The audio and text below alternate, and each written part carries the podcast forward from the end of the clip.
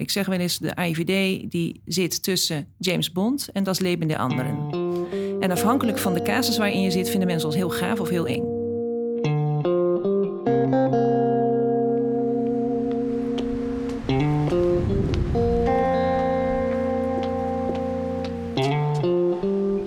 Wanneer trekt de dienst aan de bel als er sprake is van een dreiging?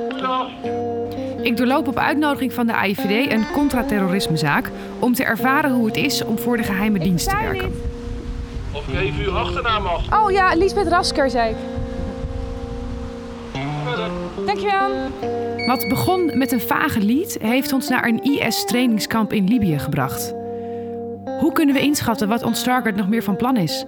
En wat als alle media zich ermee gaat bemoeien, maar je eigenlijk niets mag zeggen? Het spel gaat nu wel iets veranderen. Wat nu uh, de ervaring in ieder geval leert, is dat uh, de media heel snel bij ons op de stoep staan om te vragen wat hier aan de hand is en wat ze hiermee moeten. Mijn naam is Lisbeth Rasker. Je luistert naar de vijfde aflevering van De Dienst.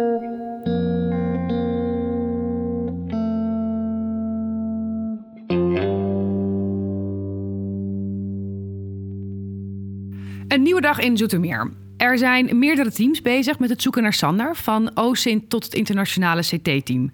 En we hebben gekeken naar de mogelijkheden van kabelinterceptie. Er zijn dus een hele hoop lijntjes uitgezet en ik loop zo snel mogelijk richting Bart om te horen of het iets heeft opgeleverd. Ja, dat is zeker nieuws. En dat is ook goed nieuws. Ik heb uh, wat uh, zaken vanochtend gekregen. Het team van Marja is gestuurd op een foto van een gemaskerde man. Uh, die wordt onthaald door een groep strijders in Noord-Afrika. En bij de foto staat de, na de naam Saif al-Din. Dat is de andere naam van Sander. Ja. ja. En ik heb nog andere informatie gekregen van het collega-team elders in de dienst. Die kijken naar meneer Anas. Uh, horen wij dat Anas al-Maghrebi al een tijdje zit op te scheppen tegen zijn medestrijders. Zo diep zitten ze tegen, tegen, zo dik zitten ze tegen hem aan. Uh, dat er een westerse strijder onderweg is naar zijn kamp. En hij heeft hoge verwachtingen van hem en hij zou bereid zijn om martelaar te worden. Um, de hack uh, levert heel veel op. Sander is in contact getreden met, met Anas. Dus wij hebben nu zijn IP-adres. We weten dat hij een Egyptisch prepaid nummer heeft. Ehm, dus, en hij, is, hij, hij, blijkt nu in een uh, trainingskamp in uh, Libië te zitten. Dus toch? Dus toch. Dus hij heeft die route afgelegd. Ja, ja. Waarvan het vermoeden er al lag. Ja. En dan gaat het opeens hard. Twee leads die het vermoeden over zijn locatie flink aanwakkerden. En dankzij de hack weten we zeker waar hij is. Sander zit in een IS-trainingskamp in Libië. Hoe zit het eigenlijk met de kabelinterceptie dan? Die is dus niet nodig. En uh, gisteren hebben we, hebben we uh, nog vrij intensief contact gehad met, uh, met de jurist. verder nog met kabelinterceptie zelf. En zij zijn toch aan de gang gegaan om te kijken of het mogelijk is. Deze behoorlijk wat werk gisteravond nog aan verricht. En ik heb ze vanochtend helaas moeten zeggen dat al het werk voor niets geweest is. En ja. dat is frustrerend, maar ehm, ik denk dat dat ook wel met uh, It Comes With A Job... dat je een hoop geduld moet hebben om überhaupt die positie te kunnen krijgen. En op het moment dat je de positie hebt, dat die misschien niet meer nodig is. Dus je hebt ook een vrij hoge frustratietolerantie nodig. Ja. Um, maar goed, we zitten hier met professionals die weten dat dit uh, de aard van het werk is. Ja. Uh, dus ja, zo werkt het gewoon. Maar in ieder geval, we hebben Sander uh, gevonden. We hebben Sander gevonden.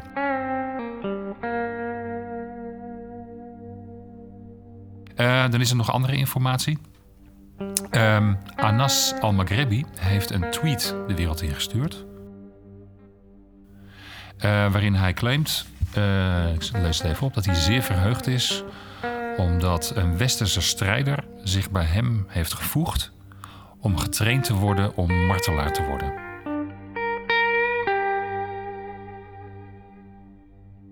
Het spel gaat nu wel iets veranderen.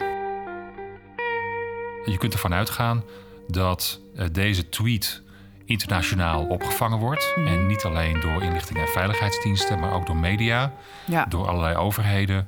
Ehm, en dit gaat wel bekend worden. Dit gaat echt wel tot wat reuring leiden. Een westerse strijder die martelaar wil worden ja. vanuit ISIS. Dus eh, hier kunnen vragen over, over gaan komen.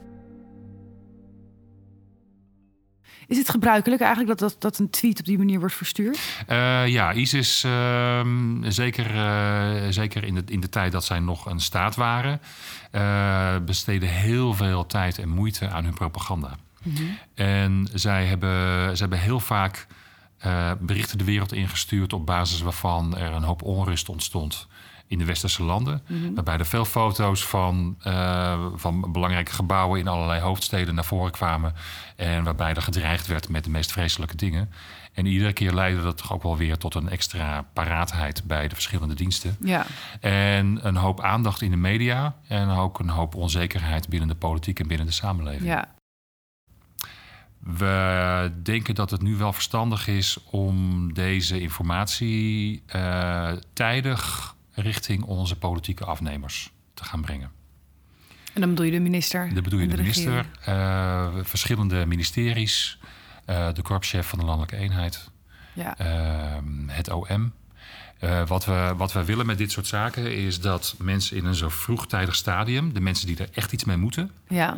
dat die in zo'n vroegtijdig stadium worden geïnformeerd, zodat zij zich ook kunnen gaan voorbereiden op eventuele acties die ze moeten gaan ondernemen. Wat je niet wilt, is dat je hem door de politie laat oppakken, bijvoorbeeld op een vliegveld of in de haven.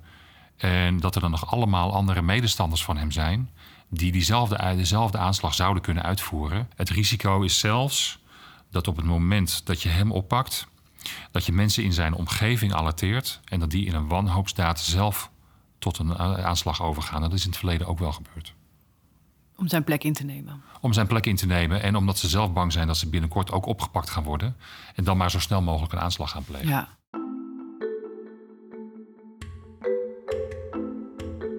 Bleef het onderzoek tot nu toe binnen de muren van Zoetermeer? Het gaat nu de buitenwereld in. Stap 1 zijn de politieke afnemers, de mensen die er daadwerkelijk wat mee moeten gaan doen. Ik ga praten met iemand die namens de AIVD het contact met de Haagse vierkante kilometer onderhoudt. Dat betekent dat ik eigenlijk eh, advies geef aan de directeur-generaal eh, en de directeuren verder van de, van de dienst. Eh, politiek bestuurlijk advies eigenlijk. Ja. Of als het nodig is voor de minister, dan wel via de directeur-generaal. Maar ook ja, als er iets speelt in de media wat heel erg veel blik vangt of waar de AIVD een rol in heeft. Dit is Rob. Hij is adviseur bestuurlijke ondersteuning. Hij informeert de directeuren, ministers en anderen op hoog niveau over dit soort serieuze zaken waar zij iets mee moeten. Je hebt normaal allerlei commissies in de Tweede Kamer die in het openbaar over alle onderwerpen moeten kunnen eh, bespreken. Ja. Eh staatsgeheime informatie is dat wat lastig. Dus er is Ja. een aparte commissie voor gemaakt. En eigenlijk puur voor de controle op de- het werk van de diensten, de MIVD en AIVD, is er een speciale commissie, de CIVD. Eh, en mijn afdeling bereidt die ook altijd voor, voor de DG en de minister. Ja. En daar zijn wij dan ook echt leidend in. En daar heeft de communicatie bijvoorbeeld weer minder mee te maken. Ja. Omdat het ook in principe niet in de buitenwereld komt wat daar besproken wordt. Hoe lang werk je al eh, voor de IVD? En Vier jaar. hoe Ik heb- ben je hier terechtgekomen? Ik heb hiervoor eh, in de Tweede Kamer gewerkt. Een paar jaar achter de schermen. Eh, en het leek me op een gegeven moment heel erg leuk om meer een bestuurlijke rol te vervullen aan de kant van de, van de regering. En dan ja, in het bijzonder domein veiligheid. Ja. En eh, dat kwam heel goed samen, omdat ze op dat moment eh, dat ik op zoek was, eh, hier een, een bestuurlijke ondersteuner actief aan het werven waren. Ze zochten nog eigenlijk iemand die, die ook in het parlement, die, die, die, die, daar een beetje de weg kent. Of in ieder geval ja, de parlementaire wereld een beetje kent. Je bent op de hoogte van de zaak die wij bespreken in deze serie. De Ja. zaak van Sander. Ja, Ehm, we zijn dus nu op het punt dat hij in dat trainingskamp zit. En met Bart, in overleg met Bart wordt er nu een inlichtingenbericht uitgestuurd. ja, wij kijken nog mee van, nou staat alles erin eh, wat, er, wat erin moet staan? Of hebben we nog opmerkingen daarbij, ook met een politiek-bestuurlijke bril? Ja. Hè, met- proberen we met name na te denken, oké, als partners dit lezen... Wat voor vragen gaan ze dan stellen? En hebben we daar dan ook een antwoord op? En hoe lang is zo'n is zo'n bericht? Is, moet ik dan denken aan een groot dossier of is dit een, eh, een e-mail? Vaak twee two-pager, twee pagina's. mee. Kan, kan korter, kan langer zijn. Oké. Maar meestal is het, eh, is, zit, zit dat erin. En Ja. dan eh, met een essentie van dat mensen direct in een paar bullets kunnen lezen van... oké, de kern zit hieronder. Of Ja. is dit dit? Met daaronder een wat uitgebreidere uitleg en wat inschattingen van de dienst. En wat vind je van het moment in deze zaak waarop het inlichting, inlichtingenbericht wordt verstuurd? Vind je dat, is dat, is dat vroeg? Is dat laat? Is dat, is dat normaal? Wat, wat doen Nou ja, op het moment dat, ehm, dat we ook inschatten dat mensen vragen aan ons kunnen gaan stellen hierover, dan, eh, dan, dan komt het ook op het netvlies van eh, mensen buiten de dienst Ja. dat er iets speelt. Ehm, en eh, als je dan toch al weet dat je vragen krijgt eh, en je ook denkt dat het goed is dat partners eh, op de hoogte komen dat er iets speelt en dat ze misschien daar in ieder geval over na moeten gaan denken wat ze op een later moment moeten gaan doen Ja. kan het goed zijn om, om daar nu al mensen actief over te informeren. met zo'n inlichtingbericht. En wordt zo'n bericht in een afgesloten kist dan naar de diensten, naar de, naar Ja. de partners gebracht? Of is het Soms gaat het, ja, kan het per courier nog zelfs gebeuren. Ehm, ligt er ook een beetje aan wat voor aansluiting partners hebben. Maar vele van ons hebben ook een, eh, beveiligde verbinding. Dus dan kunnen wij eh, via een eh, beveiligde lijn eh, een e-mail sturen met, eh, met het bericht erin. Ja. Waar niet op gehandeld mag worden. Dat is een, Dus het is alleen voor informatie? Eigenlijk wel. Eh, als het gaat om, de, eh, om een persoon of een organisatie, mag je Mhm. eigenlijk nooit maatregelen nemen op de persoon of organisatie op, op basis van een inlichtingbericht. Waarom niet? Omdat het eh, ja, staatsgeheime informatie is. Eh, en ehm, die informatie eigenlijk in de buitenwereld niet gebruikt mag worden. Dus je kunt er bijvoorbeeld in een rechtszaal. Kun je de, kan, die, over- kan die informatie niet geopenbaard worden, dus dan kun je er niks mee. Eh, je hebt nog wel een andere variant. Dat is meer een ambtsbericht. Een ambtsbericht? Een ambtsbericht. Ja. Daar, daar mogen partners wel eh, actief op handelen. Die informatie is ook niet staatsgeheim. Eh, daar kan eigenlijk in een, ja, vaak in veel korter kan gezegd worden... nou, de, de, de- vanuit de taak van de dienst en het oog van de nationale veiligheid... eh, zien we dit gevaar en heeft op deze persoon betrekking. En nog wat meer informatie over de, over de casus. Ja. En daar, de- dat kan bijvoorbeeld het OM ook gebruiken, het Openbaar Ministerie, om de politie erbij te betrekken en actief eh, echt maatregelen op de persoon of organisatie te nemen. Dus een inlichtingenbericht is staatsgeheim en enkel bedoeld om te informeren. En een ambtsbericht is wat daarop volgt, waarmee daadwerkelijk actie ondernomen kan worden en waar informatie in staat die gebruikt mag worden in een rechtszaal. Als, als de dreiging heel acuut wordt en, eh, en we kunnen het voldoende onderbouwen, eh, dan gaat natuurlijk zo'n ambtsbericht heel snel. Dat kan ook mondeling zelfs, Ja. als het desnoods, als het moet. In ons geval zou dat zijn als Sander bijvoorbeeld terug is gekomen naar Nederland en we wel weten wat, die van, wat, die, wat en waar die van plan is. Ja, Dan zou je naar het Ja. ambtsbericht gaan. En waar altijd, wat altijd meespeelt is de afweging. ehm, hè, want hoe langer je iemand eh, laat lopen, hoe meer je ook van iemand te weten kan komen. Dus dat is altijd het spanningsveld eh, tussen eh, willen handelen en, en de dreiging eigenlijk aanpakken. Ja.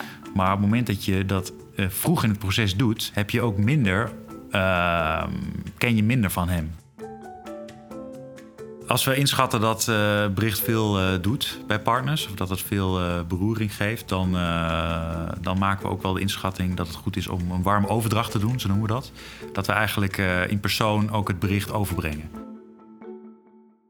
Wekelijks is er eigenlijk een moment eh, dat eh, de ministers bij elkaar zitten. Waar eigenlijk wekelijks alle belangrijke eh, berichten van de diensten ook wel besproken worden.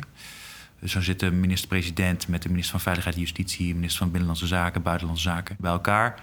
Om ook ja, de belangrijkste berichten die die week ervoor of de dagen ervoor zijn uitgestuurd te behandelen en alle onderwerpen die relevant zijn te Ja. bespreken.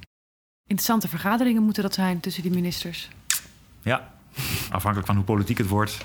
Af en toe ook zo doen. Ja, precies. Chips en cola. We hebben het nu natuurlijk steeds over, eh, over de zaak Sander. eh, en ook over best grote, nou, dat, grote zaak, grote Ja. dreiging. Ja. Ik neem aan dat jullie niet eh, tientallen van dit soort inlichtingenberichten per week eruit sturen. Hoop ik. Nee, dat, dat, dat, dat klopt denk ik wel. D- dit is wel een uitzonderlijke zaak inderdaad. Die wel echt alle, alle aandacht vraagt. Dus het inlichtingenbericht moet geschreven worden.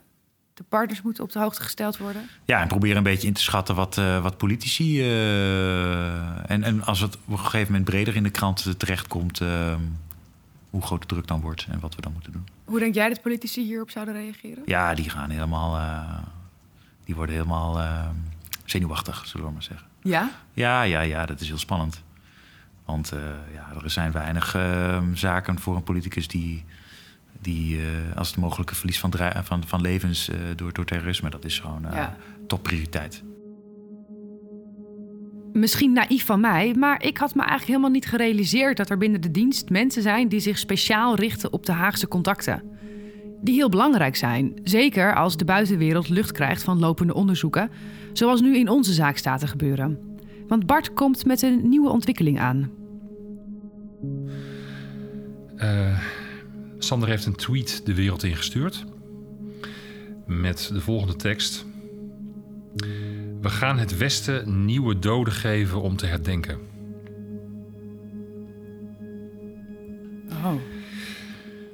En dat vind ik niet, uh, hier word ik niet blij van als ik dit hoor. En waar we eerst ook nog dachten uh, dat het niet uitgesloten zou zijn dat hij mogelijk daar ingezet zou worden. Ja zegt hij nu het Westen nieuwe doden geven. Waarbij toch wel een grote kans is dat dat dus om Nederland gaat.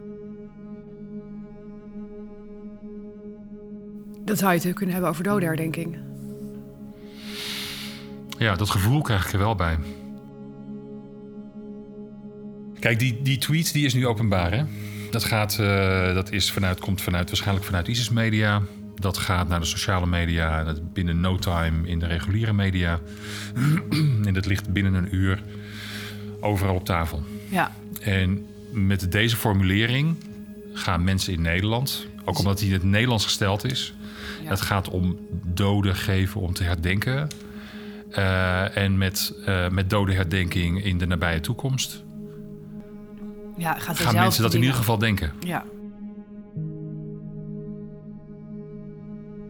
Wat nu eh, de ervaring in ieder geval leert, is dat uh, de media heel snel bij ons op de stoep staan om te vragen wat hier aan de hand is en wat ze hiermee moeten. Ik heb ook al een uh, sms'je gekregen van onze woordvoerder met de vraag: wat weten wij en wat kunnen we naar buiten brengen? Die woordvoerder wil ik wel spreken, want dat lijkt me geen makkelijke positie. Woordvoerders leven vaak juist op de onverwachte dingen. De, de, de spanning van het moment, de snelheid die er nodig is, het overleg dat je met deze en gene moet hebben, is soms heel irritant. Maar het maakt ook wel dat het heel dynamisch is. Dit is Inge. Zij staat namens de IVD onder andere journalisten te woord. Die natuurlijk alles willen weten van dingen die vrijwel altijd geheim zijn. We zitten als organisatie zitten we op twee, zitten we op twee sporen. Ik zeg wel eens, de IVD die zit tussen James Bond en Das Leben der Anderen. En afhankelijk van de casus waarin je zit, vinden mensen ons heel gaaf of heel eng. Ja. Ertussen zit niet zo heel veel. Mijn collega's werken dus bij een organisatie die continu in dat, in dat spectrum beweegt. Hmm. Um, waarbij de sympathie niet altijd uh, groot is, terwijl nee. uh, de inzet wel heel groot is. Maar jij zit daarin best op een, op een, op een dubbel spoor. Als in om, om als woordvoerder voor een bedrijf of voor een instantie die eigenlijk liever niks wil vertellen. Oh, ik wil heel veel vertellen. Ik, ja. ik, ik, wil heel veel vertellen. Ik kan alleen niet alles vertellen. Nee, precies. Maar, en, um, um, maar je begrijpt wat ik bedoel. Je kunt meer. Ik, ik snap dat je zegt, we kunnen heel veel wel vertellen. Ja. Maar uiteindelijk kunnen jullie meer niet vertellen dan wel vertellen. Voor goede redenen. Nou, misschien kan ik het zo. De meest spannende dingen kan ik helaas niet vertellen. En nee. dat is ook het frustrerende van hier woordvoering doen. Dat de. Um, uh, de meeste successen of de, de, de, dingen waar je trots op bent, of de, de dingen die we kunnen, um, de dingen die we weten en die zo belangrijk zijn voor de veiligheid van dit land. Ja, en daar kan je dan niks over zeggen. Ja. Ja, dat is soms echt heel frustrerend. Dat merkte ik ook een beetje in de interviews in de afgelopen dagen. Ja, dat is dat, hè? Ja, dan op een gegeven moment dan, dan vertelt iemand iets en, dan, en dan, dan wil je weten... En wat mm -hmm. gebeurt er dan? En dan kan dat niet verteld ja, worden. Ja, dan moet je bij ons komen werken. Ja, precies. Dat is dus ja, heel gaaf. ja, misschien moet ik dat dus toch maar eens gaan overwegen. Want dan mag je het allemaal wel te weten krijgen. Ja, ja. Maar de veiligheid van die mensen die dus met ons werken... en de mensen die voor ons werken, is heilig. Staat bovenaan. Ja. Dat is dus ook heel ja, frustrerend. Ik blijf het woord noemen. Ik ben geen gefrustreerde woordvoerder. Maar ehm, het is soms best heel ingewikkeld als mensen in de buitenwereld dingen zeggen over wat ze zouden doen of dat ze met ons zouden samenwerken. En ik kan niet zeggen dat het niet zo is en ik kan niet zeggen dat het wel zo is. Maar ik kan ah, over een of andere wappie kan ik ook niet zeggen, ja, die kan, die kan wat roepen. Die kan zeggen, ja, ik, eh, ik, ik heb contact met de IVD. Je moet er maar eens op Twitter kijken. Het is echt heel grappig uh, hoeveel mensen um, ook via Twitter denken of dingen zeggen over dat ze contact met ons hebben of dat ze het wachtwoord van de IVD hebben. Kijk, journalistieke aandacht voor het werk dat wij doen is heel goed. als, als een van onze taken als, als uh, eh, IVD is het beschermen van de democratische rechtsorde. Ja. Nou, dat doen wij op onze manier. Journalistiek heeft daar een hele eigen rol in. En um, dus de interesse van de journalistiek voor wat we doen en hoe we het doen is heel goed. Um, en ik snap ook de interesse in al die spannende kanten van ons werk. Mhm. Weet je, uh, welke uh, film of serie of um, uh, je bekijkt of welk boek je leest, dat zijn ook hele mooie verhalen. En ja, die zouden zomaar ook wel eens waar kunnen zijn. Soms overtreft de werkelijkheid fictie en, en, en, en vice versa. ja. Maar hierin heeft, de, heeft bijvoorbeeld de Nederlandse geheime dienst, dus de, de best een andere positie dan een Amerikaanse dienst als de CIA. Daar komen wel regel, maar soms verhalen naar boven van bijvoorbeeld 25 jaar geleden. Uh, de rol die ze daarin hebben gespeeld in oude missies, um, wordt wel verteld. Hier is dat helemaal niet zo. Nee, we hebben um, wat dat betreft hebben wij te maken met een, ja, ook met, met um, regels en hoe lang je bepaalde informatie ook niet eh, kan vrijgeven. Er liggen heel wat documenten ook bij het Nationaal Archief, uh, dossiers van ons. Um, volgens onderzoekers natuurlijk nog te weinig en het zou meer moeten zijn. Maar we hebben daar ook afspraken mee dat als het echt gaat om bronbescherming, dan mag ook niet zomaar iedereen erbij. Maar we proberen wel zo open mogelijk te zijn. Wat vind je er dan eigenlijk van dat wij deze podcast nu aan het maken zijn? Ik vind het ontzettend leuk, omdat het een, een. Ik, net als eigenlijk iedereen, heel graag over mijn werk vertel. En deze podcast geeft natuurlijk de gelegenheid om te laten zien van wat, wat gebeurt er nou in, in deze organisatie? Wat doen we? Hoe gaat zo'n. Wat doen nou verschillende mensen? Welke rol hebben ze in dat werk van de AIVD? Ja, ik kan het alleen maar toejuichen. Ja. Ja, maar er wordt ik ook hier. Ja, maar er wordt nog steeds streng meegeluisterd met onze opnames. Kijk, we wilden onze mensen zo vrij mogelijk met jou laten praten. Om te uh, vertellen wat het werk is, wat ze doen, hoe ze dat doen, wat ze erbij ervaren. Maar ook daar geldt weer: het mag hen niet in gevaar brengen. Het mag ons werk nooit in gevaar brengen. Het mag de mensen met wie we, voor wie we ons werk doen, niet in gevaar brengen. Uh, we zijn, hebben een wettelijke plicht om bepaalde dingen geheim te houden. Dus daar zullen we heel zorgvuldig mee moeten omgaan. Deze podcast zal niet een geheim onthullen, helaas. Sorry. Nee, nee. nee dat valt tegen. Ja. ja. Kun je nog een beetje normaal de krant lezen of naar een uh, nieuwsprogramma kijken? Oh, zeker, zeker. Um, maar ik denk dat dat voor iedereen geldt. Het maakt niet uit in welk veld je werkzaam bent. Als je veel verstand hebt van een onderwerp denk ik dat iedereen wel eens dingen ziet of hoort en zegt: ja, maar dat klopt helemaal niet. Of zo ervaar ik het zelf helemaal niet. Of, of weet je, bij ons gaat dat heel anders. Wat kun je thuis bespreken? Oh, heel veel. Weer, heel veel. Want ik werk met collega's, ik werk met mensen. Nou, ik weet niet waar jij het over hebt. Als je um, de meeste gesprekken thuis over werk gaan volgens mij over dingen die je met collega's meemaakt, van collega's hoort, um, dingen die gebeuren in een organisatie. We zijn natuurlijk ook een hele gewone organisatie um, waar met personeelsdingen. En, en, en um, ja, weet je, zoals elke organisatie is ook een groep mensen die met elkaar iets tot stand probeert te brengen. Ja. Um, ja, mijn man vindt het uh, wel saai. Die vond mijn vorige werk leuker. Daar kon ik iets meer over vertellen. Ook niet alles, maar kon ik wel iets meer over vertellen. En nu is het uh, vaak. Uh, zeg ik alleen maar dat ik per se iets wil zien, wat, dat ik het journaal vanavond even wil zien. En dan begrijpt hij pas waarom ik dan het journaal had willen zien.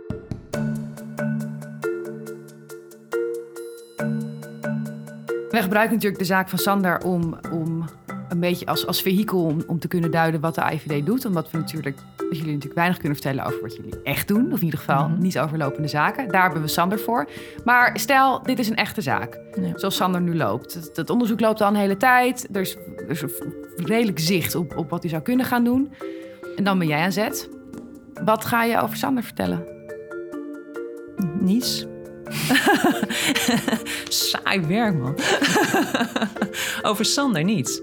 Ehm, kijk, over Sander, wat er over Sander op dit moment buiten ligt, is één tweet waarin hij iets, uh, iets dreigends uh, vertelt. Um, maar wat wij werkelijk weten van Sander, uh, hoe, wat we weten hoe ver het staat met de plannen van Sander, um, dat ga ik allemaal niet vertellen. waar het op aankomt nu, is dat wederom politie, openbaar ministerie in dit geval, hun werk kunnen doen met de informatie die wij hebben over Sander, om vervolgens daarmee de dreiging weg te nemen. Mijn werk, het woord voeren over wat we doen, mag nooit zo'n onderzoek in gevaar brengen. Maar de tweet is uh, in de buitenwereld. Daar wordt over gebeld. Dat uh, vertelde Bart uh, al. Ja. Die Bart, Bart in, de, in de fictieve casus, Bart belt of, of iemand uit zijn team belt met woordvoering en zegt: Joh, um, er is een tweet uit. Nou, misschien hebben wij al telefoontjes gekregen. Dus het kan ook wel zijn andersom zijn dat wij met een team bellen en zeggen: We krijgen hier vragen. Ja. Hoe zit dit?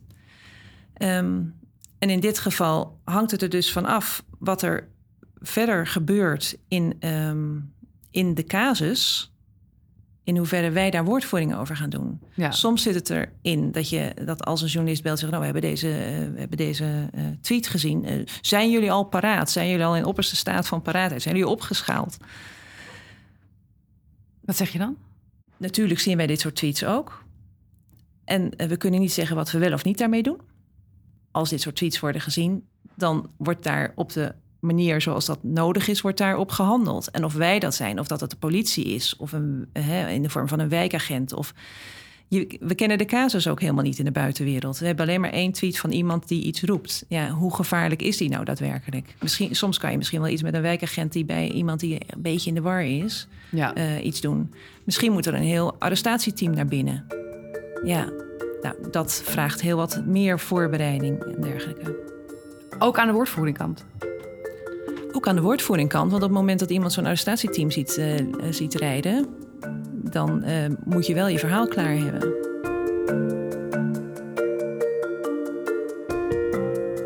Terwijl Inge zich bezighoudt met bellende journalisten, ga ik terug naar Sander en overleg ik met Bart wat er verder moet gebeuren. Want het belangrijkste lijkt me dat we blijven weten waar hij is en vooral of hij naar Nederland komt. Ja. Dus dat lijkt me dat je dat dan met uh, Europese diensten, maar ook met de marechaussee in de gaten houdt of hij terug naar Nederland komt. Ja. En als hij in beweging komt in Libië, als hij dat kamp uitgaat, dat we hem volgen. Dat we weten waar hij heen gaat. Ja.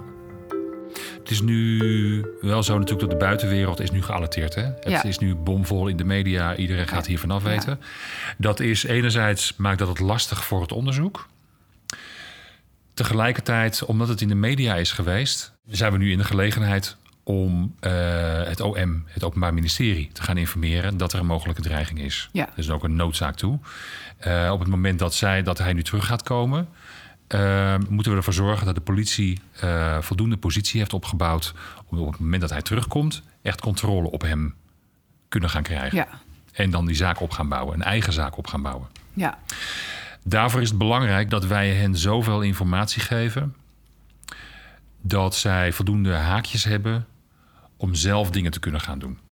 We sturen een ambtsbericht naar de landelijke officier van justitie. Mhm. Die, zoals ik eerder al had verteld, heeft al meegelezen in de hele zaak. Is zelf op de hoogte. Maar die wil heel graag de politie informeren. En hij wil heel graag een hele sterke zaak, bouwen, zaak opbouwen. Om enerzijds de aanslag te voorkomen.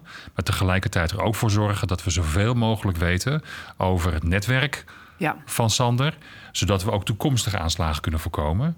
Um, waardoor we eigenlijk de zaak zo groot mogelijk is en zo hard mogelijk is om echt de politie zo goed mogelijk te laten ingrijpen. Want om nogmaals een keer te benadrukken, wij mogen eigenlijk niets. Wij hebben geen executieve taken. Wij kunnen niemand arresteren, we kunnen niemand achterover trekken. Dus we moeten er echt voor zorgen dat de politie zo goed mogelijk uitgerust is om ervoor te zorgen dat ze deze dreiging kunnen keren. Ja. Dat doen we dus door middel van een ambtsbericht. Oké, we moeten dus een ambtsbericht gaan schrijven, zodat de politie aan de slag kan. In dat ambtsbericht willen we zoveel mogelijk zetten waar zij een zaak mee kunnen bouwen. Maar we zitten ook met het belang van bronbescherming. Want een deel van deze informatie komt uit bijzondere inlichtingenmiddelen, zoals tappen en gesprekken met onze bronnen. Dan moet je ervoor zorgen dat die informatie die daarin staat, die dan ook bij de advocaten en bij de tegenpartij eigenlijk terechtkomen, uh, moet je ervoor zorgen dat die informatie niet terug herleidbaar is naar onze bronnen. Naar Linda en de docent. Bijvoorbeeld, maar ook de manier waarop we bijvoorbeeld uh, dat trainingskamp gehackt heb, hebben. Waarop we die meneer Anas hebben gehackt. Oh ja, ja. Dat, dat moet hij natuurlijk niet weten. Dat moet hij niet weten. Want je wil eigenlijk zo lang mogelijk kunnen genieten van die positie die je op hem hebt. Dus je zit met de moeilijkheid dat je zoveel mogelijk informatie wil geven, maar dat je tegelijkertijd je bronnen moet beschermen. Ja. En je modus operandi. En je modus operandi. Ja. ja, ik snap natuurlijk dat het de samenwerking is tussen de dienst en tussen die partijen. Maar het voelt toch ook een beetje alsof je dan net voor het einde eruit moet stappen. Ja, zo voelt het af en toe. Um, het grootste succes voor ons is um, eigenlijk het, het, het, We werken eigenlijk toe naar het ambtsbericht. Ja. Uh, op het moment dat we het ambtsbericht gemaakt hebben, uh, dan, kan er, dan valt er eigenlijk, nou niet zo, ja, er valt toch wel een beetje een, een deel van de verantwoordelijkheid kunnen we dan gaan delen ja. met anderen. Ja. Uh, dus daar waar jij tot op heden de hoofdverantwoordelijke bent geweest voor het tegengaan van een aanslag door Sander, jij als bewerker, mm -hmm.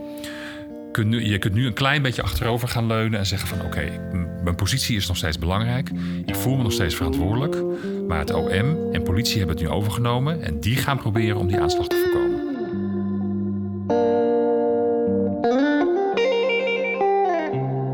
Bart zei het al, de dynamiek is veranderd. Een heel klein stukje van de zaak ligt nu in de buitenwereld. Politie en OM worden op de hoogte gebracht en alle ogen zijn gericht op het trainingskamp in Libië. In de volgende en laatste aflevering van deze serie hoor je hoe de zaak van Sander afloopt.